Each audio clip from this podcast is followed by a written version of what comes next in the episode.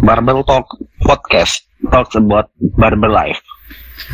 Sebelum kita memulai obrolan ini, diharap untuk dipahami bahwasanya konten podcast ini berdasarkan asumsi. Pendapat sebagai media, tempat kita mengaspirasikan pemikiran kita. So, tolong dimengerti dan buang jauh-jauh baper-baperan yang tidak jelas. Oke, musik dulu ya.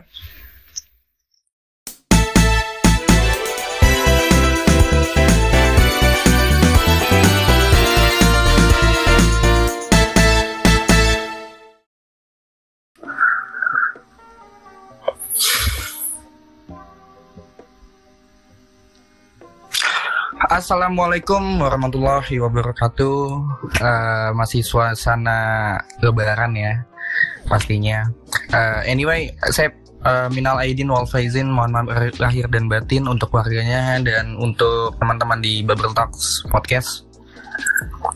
Minal aidin wal faizin, mohon maaf batin basit. Salam untuk keluarga semuanya. Gue cuma saya juga buat seluruh pendengar Bubble Talk yang selalu setia nih sampai sekarang menyalin Faidin semua ya teman-teman yang mendengarkan kami dari awal sampai akhir.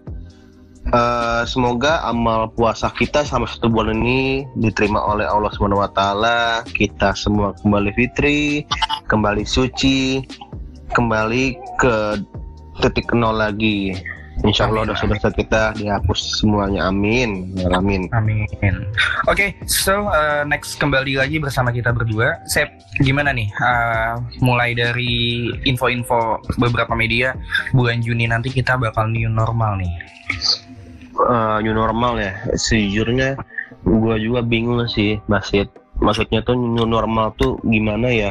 Kalau kita artikan kan new baru normal tuh ya normal gitu. Kalau dilihat apa seharusnya bahasanya new life mungkin lebih tepat new life, kan ya. gitu iya iya benar uh, juga kalau gua pahami sih new normal tuh istilahnya kayak kembali lagi kita tuh seperti dulu tetapi kita menjalani protokol-protokol kesehatan.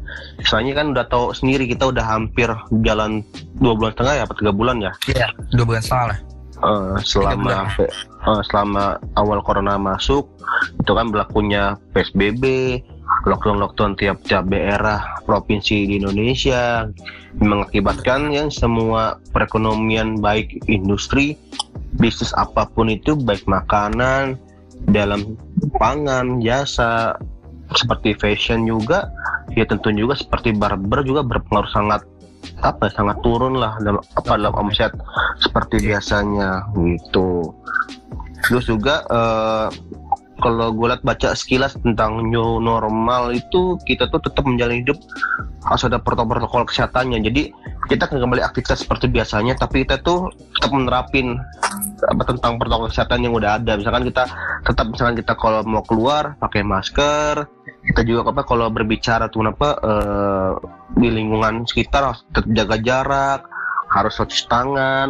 Yang jelas sih social distancingnya sih. sih yang harus diperhatikan kan karena iya gitu. Makin uh, yang dikhawatirkan kan kalau misalnya kondisi sudah kembali normal atau bisa disebut new normal, uh, takutnya uh, grafik uh, daily activity manusia-manusia ini semakin padat juga tapi yang takut yang yang takutnya itu nggak diperhatikan social distancingnya itu tuh. Itu yang sangat bahaya iya. sebetulnya sih. Iya benar. Pada akhirnya sekarang kan keluar tuh peraturan pergub DKI yang baru kan itu apa semakin ketat orang-orang apa yang masuk ke Jakarta khususnya gitu. Apa ada surat izin masuk kembali bagi apa yang mau keluar masuk Jakarta. Jadi saya tuh lebih ribet lah sekarang lah gitu. Yeah. Walaupun berpikir lah baik di rumah aja lah mau ke mana juga kan bingung gitu. Bener -bener. Sembaring iya sembari ingat oh, berita di Gimana? Sambil menunggu kali ya, menunggu tempat kerja gue sudah buka lagi di Jakarta Selatan, kayak mending di rumah aja lah. Oh iya, coy apalagi ya gue prihatin sih sama di Jakarta. Bagi kayak lo kan apa barbering istilahnya konsumen Jakarta kan ya berpengaruh banget kan mau nyampe kapan loh gitu kan. Makanya dengan adanya new normal nih kan dicoba nih ah, start bulan Juni nanti uh, bertahap tuh apa mall dulu kan istilahnya. Yeah. terus apa tempat-tempat uh, umum dibuka lagi gitu Public kan. space lah ya. Iya gitu. Ya gue harap sih semoga coronanya juga nih bisa dihilang gitu loh. Heeh. C- cuman kayaknya sih nggak bisa sih feeling gua misalnya. Kayaknya sih menurut gua ya saya tuh kayak penyakit ini seperti model kayak flu ya nggak sih?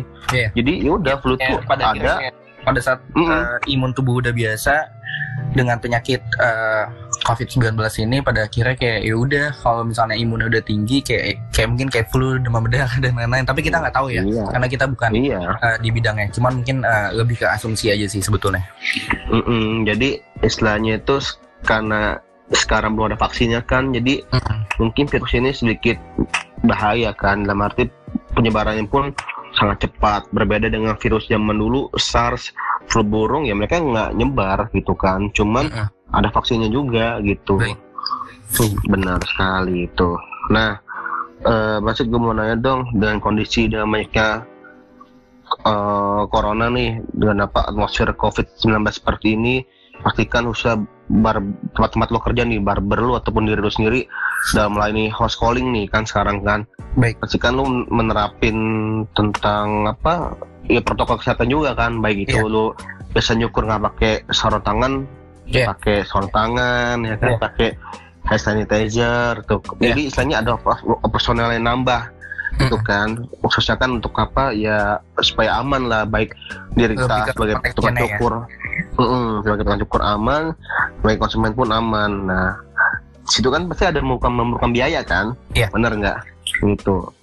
Nah sebenarnya lu sepakat nggak sih kalau dengan bertambahnya operasional yang kita berikan buat konsumen itu harga harga harga kita juga bertambah gitu loh. Misalkan misalnya di katos nih Mm-mm. katos harganya misalkan eh, enam puluh ribu misalkan enam puluh ribu tiba-tiba dengan eh, operasional yang kita selama lakukan sama pandemi ini ya ada beberapa operasional operasional tuh bertambah misalnya Iya. jadi cepet lah misalnya seperti itu kan gitu sebenarnya worth it nggak sih susah gitu kan buat pandangan lu sendiri gitu kan kalau pandangan Gitu. gue ya sebetulnya gue setuju sepakat banget. Cuman eh, harus digarisbawahi kalau memang eh, ada perubahan harga itu juga harus didampingi dengan alasan sih kenapa harganya naik. Kalau misalnya kita bicara oh gue beli hand glove oh gue beli Mm-mm. eh, face protection atau gue beli masker atau gue beli disinfektan atau gue beli alkohol atau gue misalnya beli hand sanitizer gitu. Nah itu mungkin Hmm, secara nggak langsung kita punya fixed cost kan. Biasanya mungkin kalau seorang barber fixed costnya eh, kayak oil kayak pomade kayak perawatan rambut dan seperti silet. Tapi kan kalau dengan kondisi sekarang ini kita juga harus bisa lebih protection terhadap diri kita sendiri dan eh, peduli dengan customer kita juga. Nah kalau ditanya sepakat apa enggak gue sepakat tapi harus didukung dengan eh, anggaran yang jelas gitu. Jangan sampai kalau misalnya dengan oh harga gue memang naik nih harga gue lebih mahal. Tapi kita tidak punya eh, protokol kesehatan atau kita misalnya tidak membeli eh, fasilitas ke kebersihan yang menurut gue itu nggak worth it Hmm. sih. Hmm, benar. Jadi intinya juga kita harus apa mengedukasi konsumen juga ya. Jadi ketika Mm-mm. konsumen nanya kok segini bang harganya kok segini mas harganya ya kita menunjukkan secara servis yang maksimal Iya. gitu kan karena kan secara Karena- langsung fixed cost-nya juga bertambah kan Ya, jadi istilahnya kita ini berbicara tentang quality maksimal apa quantity maksimal gitu. Jadi Iya, iya. faktanya kan ada nih, misalkan contoh lah sebelum COVID-19 ini ada juga kan ada juga beberapa barber yang menentukan harga itu eh harganya mahal tuh, Oke. tapi fasilitasnya tuh nggak nggak oke gitu kan gitu. oke Justru kayak itu apa ya ngebuat pandangan konsumen kan apa yang ngerubah eh, regulasi barber ini sebenarnya barber yang proper itu tuh harganya berapa sih gitu kan gitu. Oke. Sampai sekarang gue pun masih masih masih bingung gitu loh. Kadang dengan gua nggak susah kayak di barber gue ya gue ngasih dengan harga sekian. Oke. Tapi menurut gue service yang gue kasih tuh lebih pada itu loh gitu loh. Nah, Baik. kalau pengalaman lo sendiri itu gimana Bram itu? Apakah kita memberikan servis terlebih dahulu yang maksimal, baru kita ditentuin harga? Apa kita ngasih harga dulu, baru servis gitu loh? Ah, ini sebetulnya eh, suatu pertanyaan yang agak ambigu ya Dan karena kalau ya? kalau ya? menurut gua eh, efek kualitas itu bukan permasalahan skill juga Sep. Tapi masalah uh, ada beberapa aspek yang contohnya misalnya gini. Uh, ada beberapa faktor kalau misalnya kayak attitude-nya uh, public speaking-nya dan uh, jangkauannya gitu kan. Di di luar uh, ilmu dalam skill barbershopnya ya. Tapi dalam arti uh, even even gini loh kalau misalnya kita ketemu customer kan nggak eh, kemungkinan kecil banget ya sih? Ya customer kita seorang tukang cukur gitu kan. Even uh, customer Bisa. kita adalah orang-orang baru gitu kan. Atau orang-orang yang mungkin Benar memang tidak tahu dengan dunia uh, industri Benar. barbering gitu kan.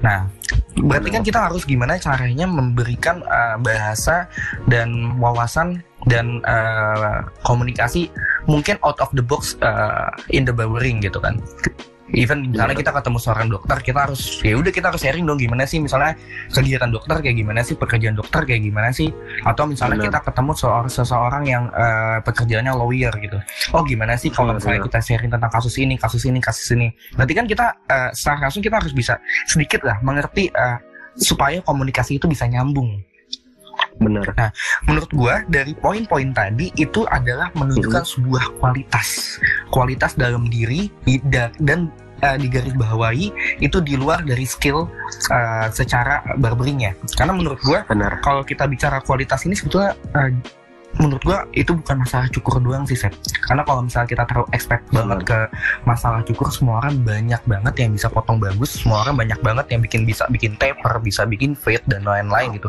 tapi pertanyaannya banyak gak, banyak gak yang bisa public speaking gitu banyak gak yang bisa ngobrol Bener. banyak gak yang bisa uh, kalau gua sih ibarat gini sih uh, gue di barber itu panggung gue gimana caranya uh, penonton gue gimana caranya penonton gue itu mau mendengarkan gue mau uh, melihat gue mau fokus ke gue gitu. Tapi pada saat uh, kita tidak bisa memberikan uh, customer uh, fokus on the track dari komunikasi yang kita berikan menurut gue itu udah uh, aspek kualitasnya kurang sih.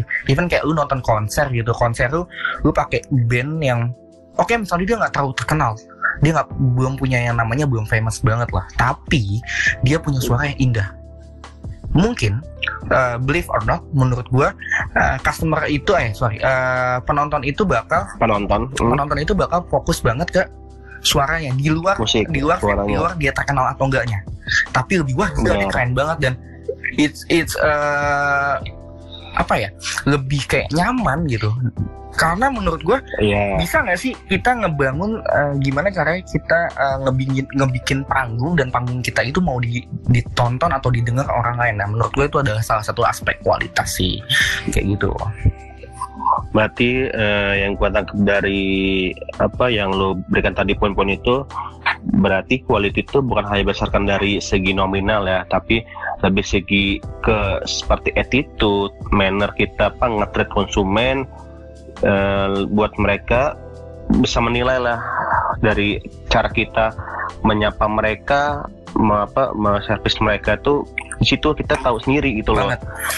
pasti kan banget gitu. Jadi jadi gini uh, yang gua yang gua kasih apa yang mau gue jelasin itu ketika kita sebagai seorang barber itu bisa memberikan pelayanan yang maksimal di luar dalam cukuran uh -huh pastinya apa dan sesuai kebutuhan si konsumen tapi kita bisa masuk ke dunia dia gitu loh. Nyampe dia tanpa sadar udah apa udah selesai nyukur oh tahu udah selesai ya yes. gitu malah pengen ngobrol lagi sama hmm, lu bang gitu, gitu. kan wah di situ kalau lu lu udah bisa bisa denger konsumen ngomong gitu berarti lu udah dapet goalsnya gitu yeah. loh gua yakin istilahnya lu bakal bisa dikasih tips sama dia yes. gitu loh. Oke. Okay. Pasti kan itu. Cep, gitu. Uh, terkait. Justru malah justru malah ada kan ada juga malahan malahan lu pernah sih apa uh, capture gue ya yeah. gitu ngeliat apa uh, apa gue udah ngajarin segala hal itu. Okay. ternyata malahan mereka lebih dapetnya gede daripada harga haircut di barbernya nah, gitu loh. gitu.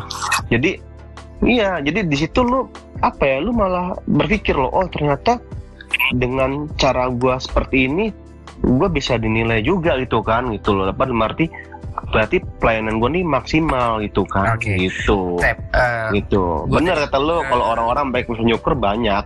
Iya sih. Gimana Uh, terkait direct dari pertanyaan lo yang tadi ya, mungkin belum yeah. sedikit gue jawab. Belum selesai tuh. Belum selesai ya. Benar. Uh, menurut gue sebetulnya kualitas atau kuantitas itu ada Quantity. ada diferensiasi yeah. itu sendiri gitu.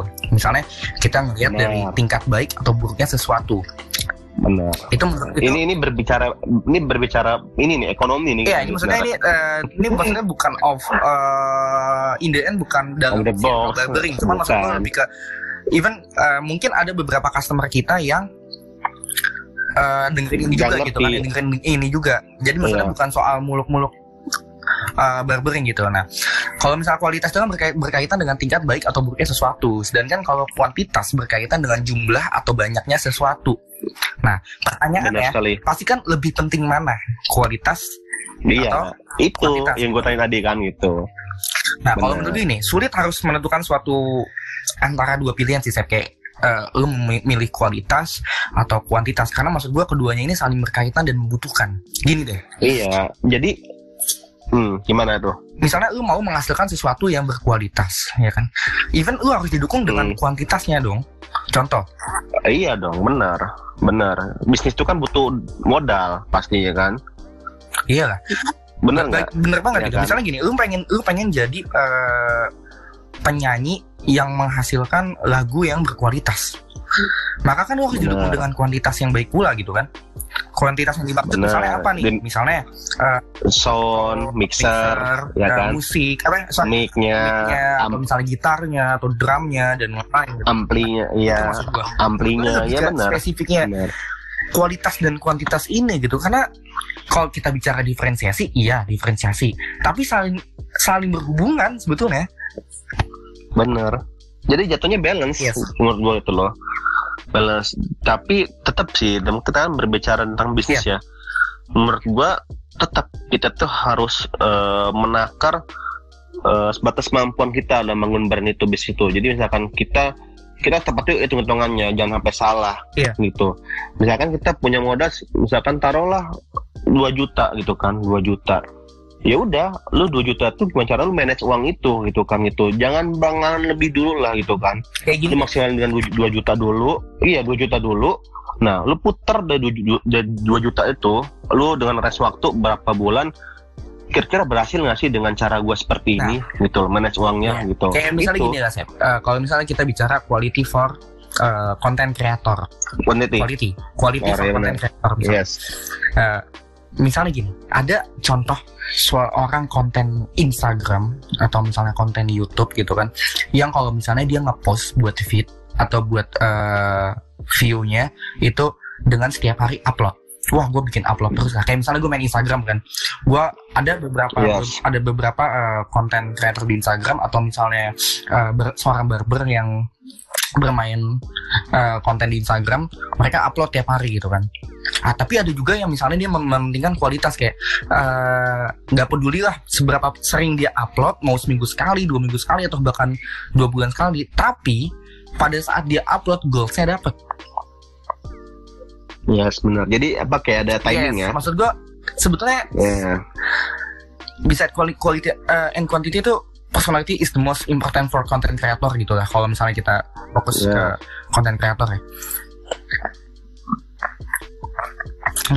timing sama the meaning of moment sih yeah. menurut gua tiap orang apa iya jadi ada tipe-tipe orang juga tuh apa yang ngepost tiap hari tapi dia misalnya captionnya itu ataupun apa uh, tujuan ngepost itu kesan terkaitan gitu loh jadi kayak abstrak aja gitu loh postingannya kan misalkan contoh lah contoh yeah. ya iya. misalkan uh, ngepost foto angle-nya acak-acakan tuh kadang-kadang ini kadang-kadang itu kadang jadi abstrak yeah. kan gitu ada juga orang apa yang main timing meaning moment dia ngepost truk gitu setiap seminggu sekali tapi dia state-nya tuh iya. enak yeah. gitu loh dan captionnya tuh berkaitan nah itu oke okay. mungkin uh, supaya apa ya menganalogikannya lebih gampang di industri barber kayak kita bakal sedikit ulas ya Sep ya ulas tentang uh, quality Benar. atau quantity Apa? di industri barbering ya karena tadi udah beberapa sedikit Benar. sharing tentang konten kreator dan musik dan lain-lain tapi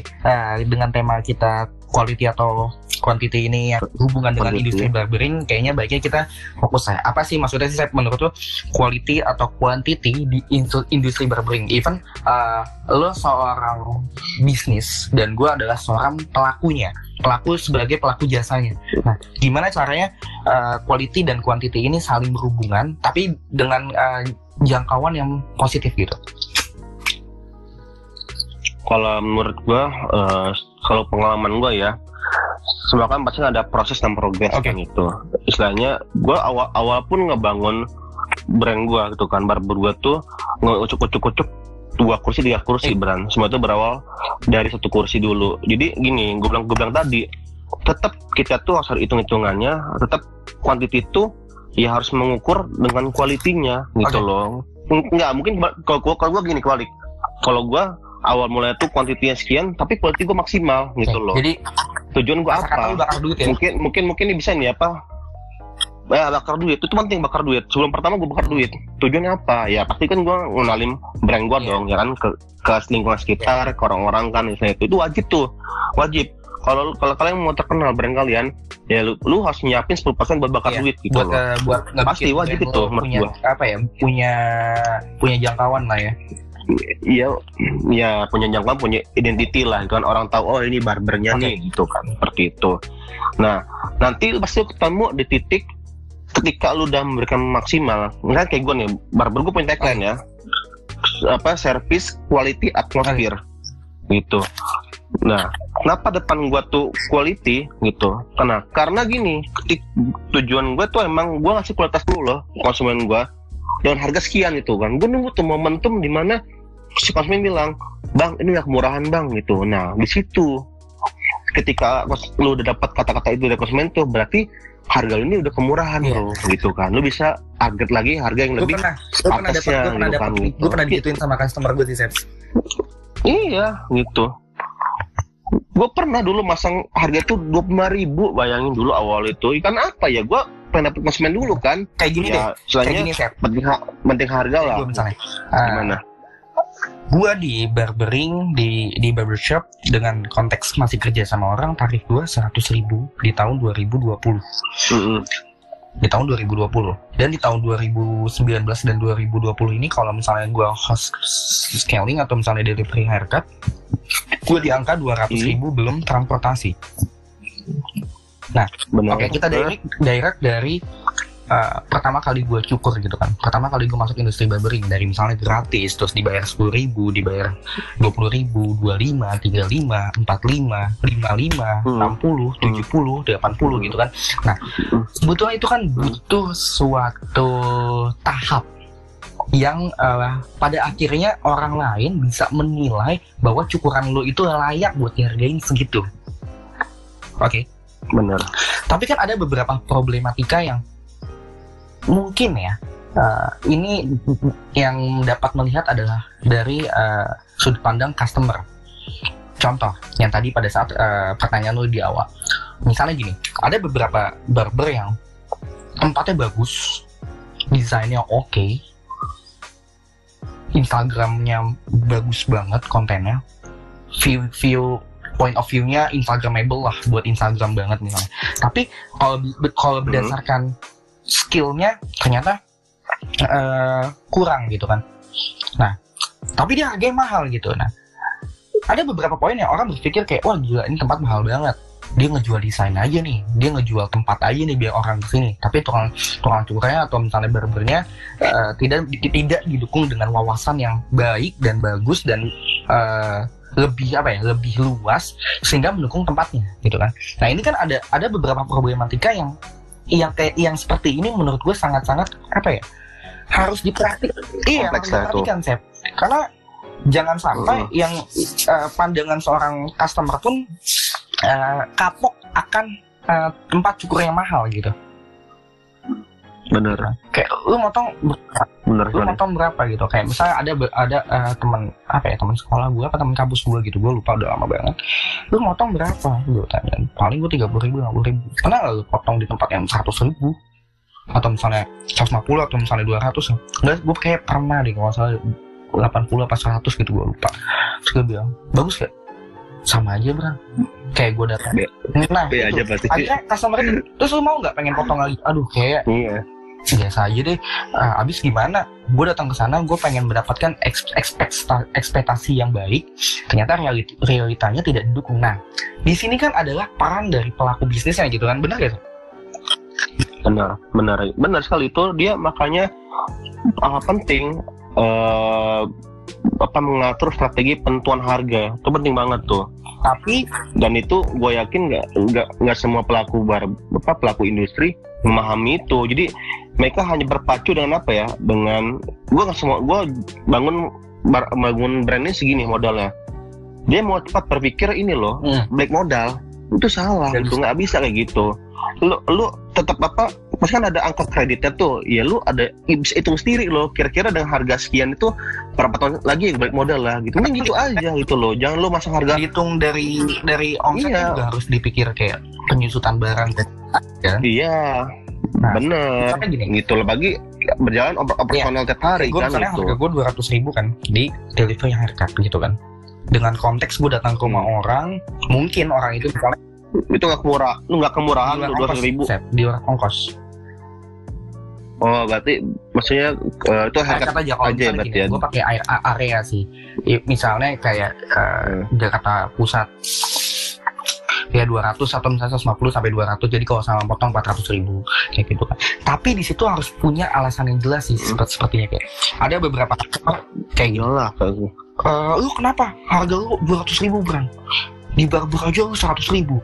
Kok lu motong di luar orang yang lebih ribet nyiapin kursi misalnya atau nyiapin eh, tempatnya bagus supaya supaya nggak bersih bersih benar. Eh, nggak ada obstacle, obstacle lah misalnya gitu kan. Tapi orang tetap mau bayar gitu. Kan. Mhm. nah mas menurut gue gini loh. Ah, harus bisa diberikan alasan jelas gini. Oke mas kenapa harga lu lebih mahal dari eh, di barber? Gua gua ini ini ini gua dan alhamdulillah ini gua udah nerapin dari pertama kali gue dari Veraka tuh kalau nggak salah 2017 dari tahun 2017 itu gue selalu bilang kayak "Eh, mas eh, gue kalau di barber gue meng- menghasilkan waktu buat satu orang itu satu jam aja loh mas gitu. Tapi permasalahannya kalau misalnya gue datang ke rumah lo gue bukan satu jam aja nih mas gue bilang kan. Gue Iya, bisa iya, benar. perjalanan Perjalanan ya. belum ngobrolnya panasnya panasnya kan bensin. kalau even dia mintanya jam makan siang gue juga harus makan dulu sebelum nyampe rumahnya gitu kan. Misalnya kayak oke Iya. lah lebih lebih tep, lebih tep, lebih tepatnya apa ya kita yang lebih fleksibel apa iya kita yang lebih fleksibel. eh di dianya lah dia gitu kan dianya lebih fleksibel. pasti kalau buat satu orang tiga Iya. jam loh tiga jam paling paling dikit gitu kan. Nah kalau misalnya gue tiga jam di tiga jam Iya, di barber dan tiga jam itu gue ada customer berarti kan gue dapat berapa sih tiga ratus ribu masuk eh, tempat barbershop gue gitu ya. Masuk eh, tempat gue kerja gitu. Tapi kalau misalnya gue di di luar dengan waktu tiga jam seratus ribu menurut gue kan nggak make sense dong Nah itu maksud gue harus bisa diberikan alasan yang jelas gitu. Tapi kita juga harus bisa kalau gue pribadi ya, kalau gue pribadi itu gue ngasih harga juga survei sih. Survei dalam arti kayak masalah nggak sih mas kalau misalnya gue harga gue segini, masalah nggak sih mas segini. Nah gue setuju sama lu yang uh, sampai akhirnya customer bisa harga lu kemurahan bro. Nah menurut gue itu adalah uh, apa ya? satu trik strategi lah itulah Bahkan ada gini loh, gue iya motong, jadi gue motong botak doang sih.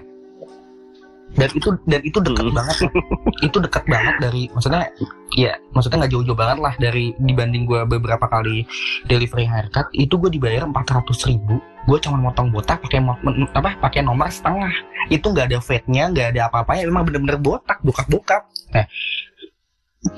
Oh, gue, gue pikir lo pakai balding ya botaknya maksudnya cuma botak biasa gitu kayak eh bukan setengah sorry bukan setengah sorry. Bukan Iya, setengah kayak- Eh, nol nol nol nol trimmer sorry nol trimmer berarti berarti kayak ini ya apa? Iya kayak detailer lah ya gue cuma trimmer ya. doang pakai detailer terus tuh.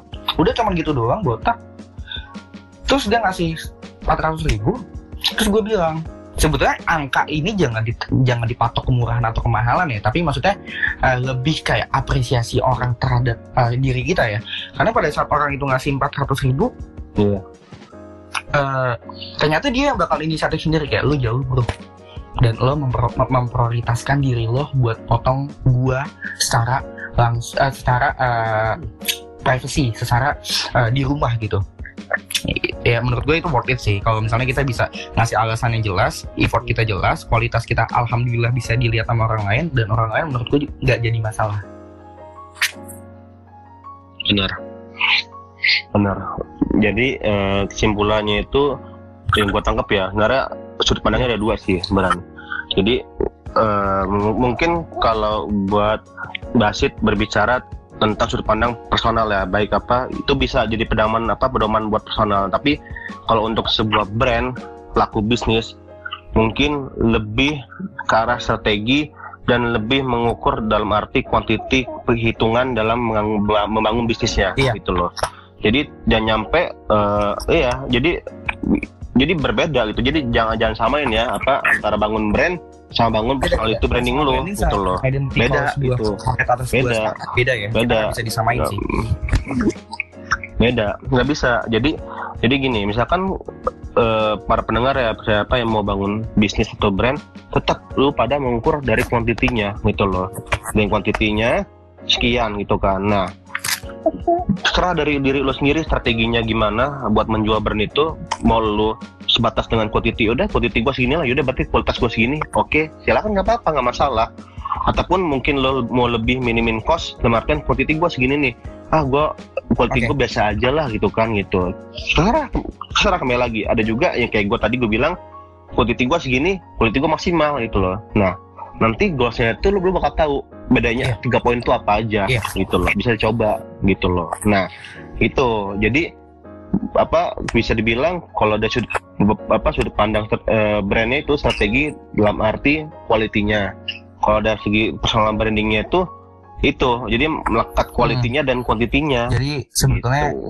uh, tergantung apa ya kita kalau kalau kalau gue pribadi ya kan ini, ini kan kita iya kita kan bicara tergantung kebutuhannya ya, sebenarnya sih.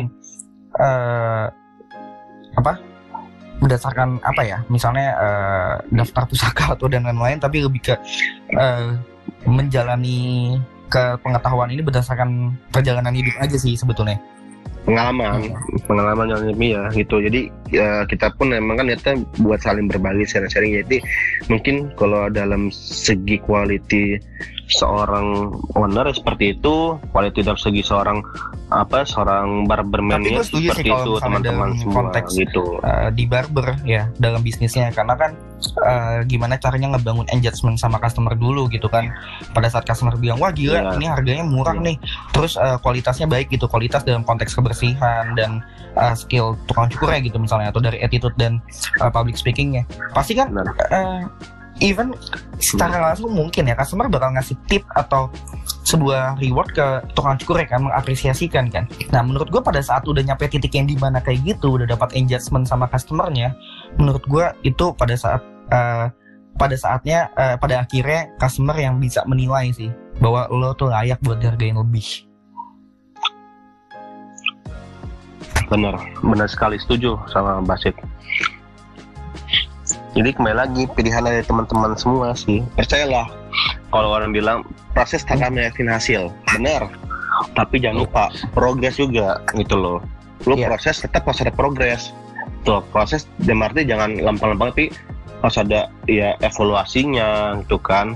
Apa ada uh, apa ya ya gregetnya lah gitu kan. Apa yeah. ada movement movement lah. Dalam artian improvisasi apa karena dalam segi bisa apa pun lu harus berpacu hmm. dengan ide-ide kreatif tentunya. Dan uh, di garis bawahi sebetulnya kalau ditanya kuantiti atau quality sebetulnya kembali lagi ke segmentasi orang tersebut gitu entah brand yang mau ngebuat suatu misalnya uh, su su su apa sesuatu orang yang mau ngebuat bisnis barbershop dia mau milih quantity ya it's okay quantity it's okay gitu quality atau quantity okay, it's okay, itu kembali lagi ke orangnya. Atau misalnya tukang cukurnya gitu kayak gue yang mau memberikan suatu quantity ya it's okay gue nggak masalah. Atau misalnya kalau quality. Karena menurut gue segmentasi pasar ini juga didukung oleh uh, apa ya bisa dibilang konsep bisnis lah bener gak sih saya menurut lo kayak misalnya gini loh uh, ada orang misalnya jual kayak gini lah misalnya ada orang jual free chicken di pinggiran dia jual sepuluh ribu untuk satu potong ayam gitu. Sedangkan kalau misalnya brand besar udah jual delapan belas ribu atau misalnya dua puluh ribu untuk satu ayam. Dan menurut gue itu kan sebetulnya pilihan kan? Benar sekali pilihan menurut sebenarnya pilihan nggak bisa- semua tuh nggak bisa dipatok Pilihan, jadi- quality atau misalnya atau quantity sih menurut gua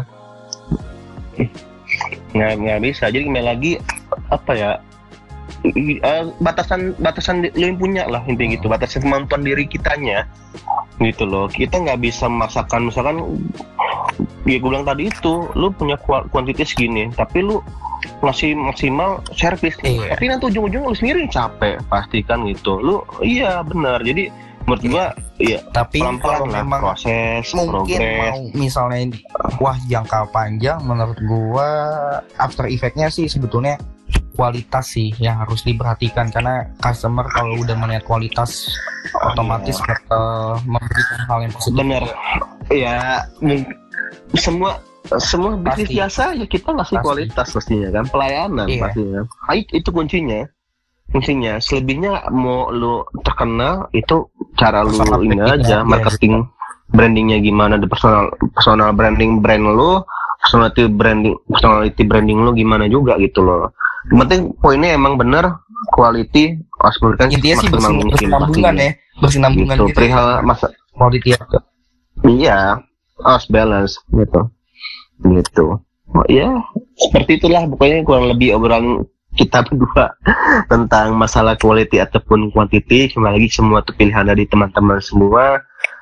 Ya mungkin hanya itu aja kali ya. Bisa kita Kayaknya, ya, sharing ke teman-teman semua. kelamaan Kurang lebih ya.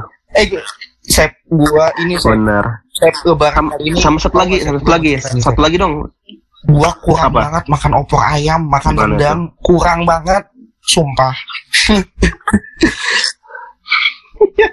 masih BS gua Sep. Ah, gimana? Tapi sama aja sih. Gua juga ini sih Gua nggak mau- tolong apa gua malah makan bakso malah orang makan buat mie ayam, masakin take away gitu kayak gue BM nya kok malah lebaran malah makan bakso atau mie ayam BM gue lagi. Tapi tapi by the way buka nggak sih toko-toko makanan ini? Jujur gua muter-muter tutup semua pak. Ada pada beberapa, mudik kali ya. bukan hebatnya. Cuman hebat konsepnya- orang-orang. Iya take away paling gue kayak mesen di apa sih media platform yang buat pesan makanan aja sih.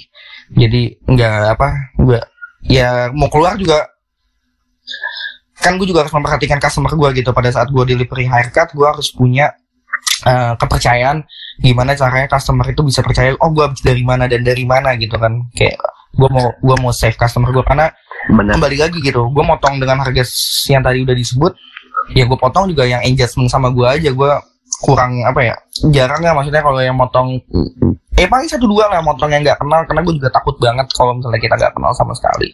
Paling kayak gitu sih saya benar sekali. Ini juga ya anak-anak dekatos ya libur. Libur cuti lebaran. Gitu. Ya walaupun gua nggak libur. Gua paling project gue kampus aja sih kuliah karena gini. oke. ya lah Apa? itu masih ini ya Udah cukup ya. iya Pokoknya nggak kita ngobrol panjang banget jadinya. Sampai bingung pendengar juga ini. iya ini selesai selesai berarti ya udahlah nggak sih? Eh, paling gitu aja. Eh, terima kasih buat para pendengar yang masih setia untuk mendengarkan Babertak Podcast. Untuk kalian yang mau kritik dan saran, boleh banget bisa di babertats.id Boleh itu banget. Instagramnya atau misalnya kalian mau menjadi narasumber boleh banget email di business.babertats@gmail.com dan terima kasih sudah mendengarkan di episode ke-7 Oke ya, ya nggak sih? 7 ya? Bener. 7, 7, 7 Tu- Tujuh apa delapan ya? Tujuh ya, tujuh ya. Tujuh ini benar. Berarti berarti minggu, minggu episode minggu depan Iya. kita ada tentunya ada kita sumber lagi tentang tamu lagi. Pantengin aja dan terus eh, story kita, updatean updatean kita. Kita juga punya up, channel Di YouTube ya pastinya. Jangan lupa di like, di komen, di subscribe, Hmm. dibagi-bagi ke teman-teman lainnya ya. Semoga bermanfaat. dan Ambil sisi positifnya, dibuang dan, sekali dibuang negatifnya. di Semuanya di kita pun masih proses di belajar. Ya. Podcast kita Ya, berdasarkan pengetahuan kita sendiri. Jadi bukan berdasarkan kesotoyan kita. Jadi yang kita ini omongan kita berdasarkan apa yang kita jalanin sih. Apa yang kita dapat As- dari teman eh, benar. terus kita Asumsi pengalaman kita. paling kayak gitu sih. Oke, Ya, terakhir benar kata sekali itu. Oke, Iya, terima bener. terima kasih. Gua Albasin Gua Asep Mila. di episode episode Sampai ketemu, ya. Sampai jumpa. Minggu depan. Ya.